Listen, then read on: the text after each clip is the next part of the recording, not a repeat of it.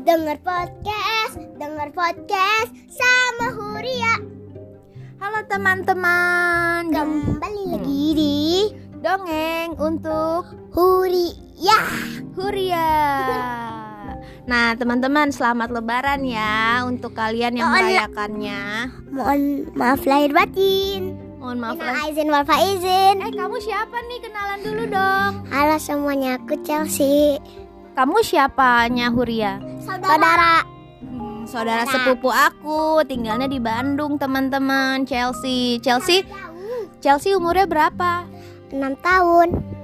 Oke, nah itu dia. Jadi nanti kita akan mendongeng bersama Chelsea. Dongeng yang kita akan bacakan itu judulnya Pencurian di Desa Bronsa. Bronses. Nah, Desa Bronsa sedang resah nih. Sudah empat malam terjadi pencurian di toko obat kerajaan. Pencurinya selalu mengambil obat yang sama, padahal obat itu sangat mahal loh harganya. Raja kan dongeng. Ya kan dong. Raja Bronsa menawarkan hadiah seribu keping emas bagi yang dapat menangkap pencurinya. Hadiah hadiah seribu keping emas tidak sedikit. Andai aku tahu siapa pencurinya. Ujar Jacob si tukang kayu. Dia baru pulang dari pasar menjual kayu bakar. Uangnya ingin ia berikan kepada sahabatnya, Andrew. Andrew. Ibu Andrew sedang sakit. Jadi sudah empat hari ini Andrew tidak ikut menebang kayu. Moga-moga tiga keping emas ini cukup untuk membeli obat. Kasihan Andrew, ia harus menjaga ibunya dan tidak bisa ke hutan. Andrew, panggilnya begitu tiba di rumah. Dari dapur terdengar suara kedatangan Jacob. Andrew pun bergegas menuju dapur. Rupanya Andrew terkejut dengan kedatangan Jacob. Di tangannya terdapat sebuah bungkusan obat yang bercap kerajaan. Jacob terkejut. Hah, dari mana kau dapatkan obat ini? Terus katanya Jacob, Caca mau baca nggak? Emang Mau nih, kamu jadi kamu jadi Andrew. aku kan Nih, nih, nih, nih, nih. Aku me- Mencurinya mencurinya dari, dari toko toko obat kerajaan. kerajaan. Habis. Habis. Ibuku Habis ibuku eh pe Ibu aja yang baca deh ya. Aku mencurinya dari toko obat kerajaan. Habis ibuku perlu obat ini, kata tabib. Ibuku akan mati kalau tidak segera diobati. Jacob pucat pasi. Ternyata Andrew pencurinya. Bagaimana kalau pra- prajurit kerajaan tahu? Desa Bronsa selalu menindak tegas loh orang yang melanggar peraturan. Dan hukuman bagi pencuri adalah apa hukumannya guys? Kalau mencuri di penjara apa? di penjara Apa? di penjara Salah. Ternyata hukumannya adalah hukuman mati. Kau tidak boleh mencuri lagi, larang Jacob. Tidak bisa, ibuku harus minum obat ini enam kali berturut-turut. Hari ini saja aku baru dapat empat. Aku harus mengambil obat ini lagi. Tapi Jacob jadi tambah takut nih. Kalau kau sahabatku, aku mohon kau rahasiakan hal ini. Malamnya, Jacob gak bisa tidur. Hatinya resah. Malam ini, Andrew mencuri lagi gak ya? Dia ingin pergi bersamanya, tapi Andrew melarangnya ikut. Jacob berdoa supaya Andrew dapat kembali dengan selamat. Tiba-tiba, tong tong tong tong tong tong tong tong tong tong ketahuan terdengar suara kentongan dipukul.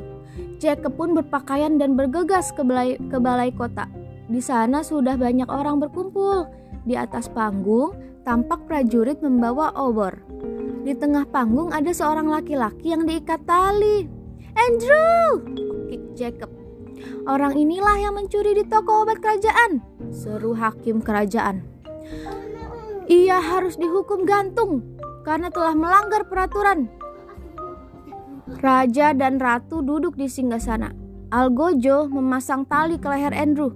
Tunggu! Seru Jacob sambil menerobos kerumunan orang banyak. Yang mulia raja dan ratu yang terhormat hakim, saya mohon dengarkanlah saya, ujarnya ketika berhasil tiba di hadapan raja dan ratu Bronsa. Orang-orang terdiam.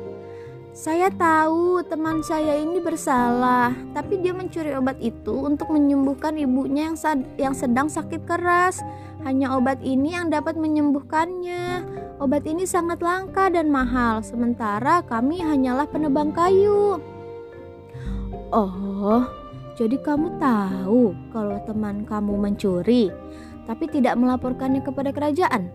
Kalau begitu, kamu juga harus dihukum, kata hakim kerajaan. Dua orang algojo menarik Jacob naik ke atas panggung. Orang-orang kembali berteriak-teriak. Tunggu! Titah Raja Bronsa. Orang-orang kembali terdiam. Beliau menatap Andrew. Siapa namamu?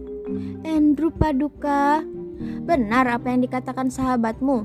Kau mencuri obat ini untuk menyembuhkan penyakit ibumu. Andrew mengangguk pelan. Dan kau? Raja Bronsa berpaling kepada Jacob. Nama hamba Jacob Paduka. Paduka, jangan hukum sahabat saya. Sayalah yang bersalah. Dia tak bersalah. Dia hanya ingin melindungi saya. Andrew berteriak. Lepaskan mereka berdua, Gojo, perintah Raja Bornsa. Tapi, kata hakim, mereka sebenarnya tidak bermaksud jahat.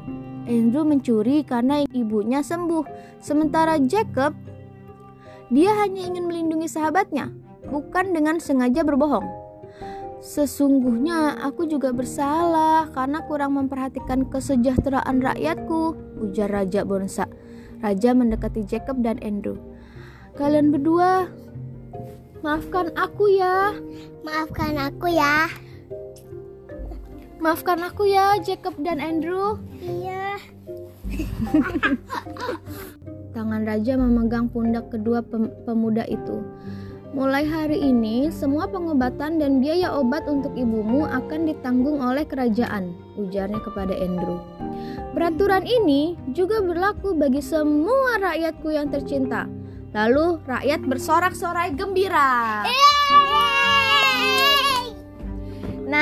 itu dia teman-teman ceritanya. Jadi kalau kita jadi pemimpin itu harus memperhatikan rakyat kita atau dan jadi baik. Dan jadi baik yang jadi adil. Ya, jangan jadi sombong sombong jahat. Mm -mm, jadi kita harus me, apa merawat uh, rakyat kita.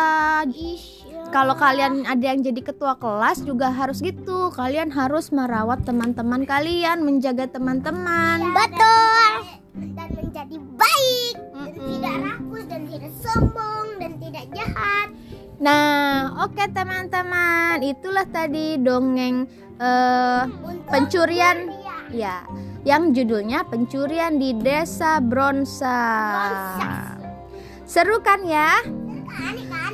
Nah, kita tunggu uh, dongeng berikutnya ya. Kira-kira seru juga nggak ya?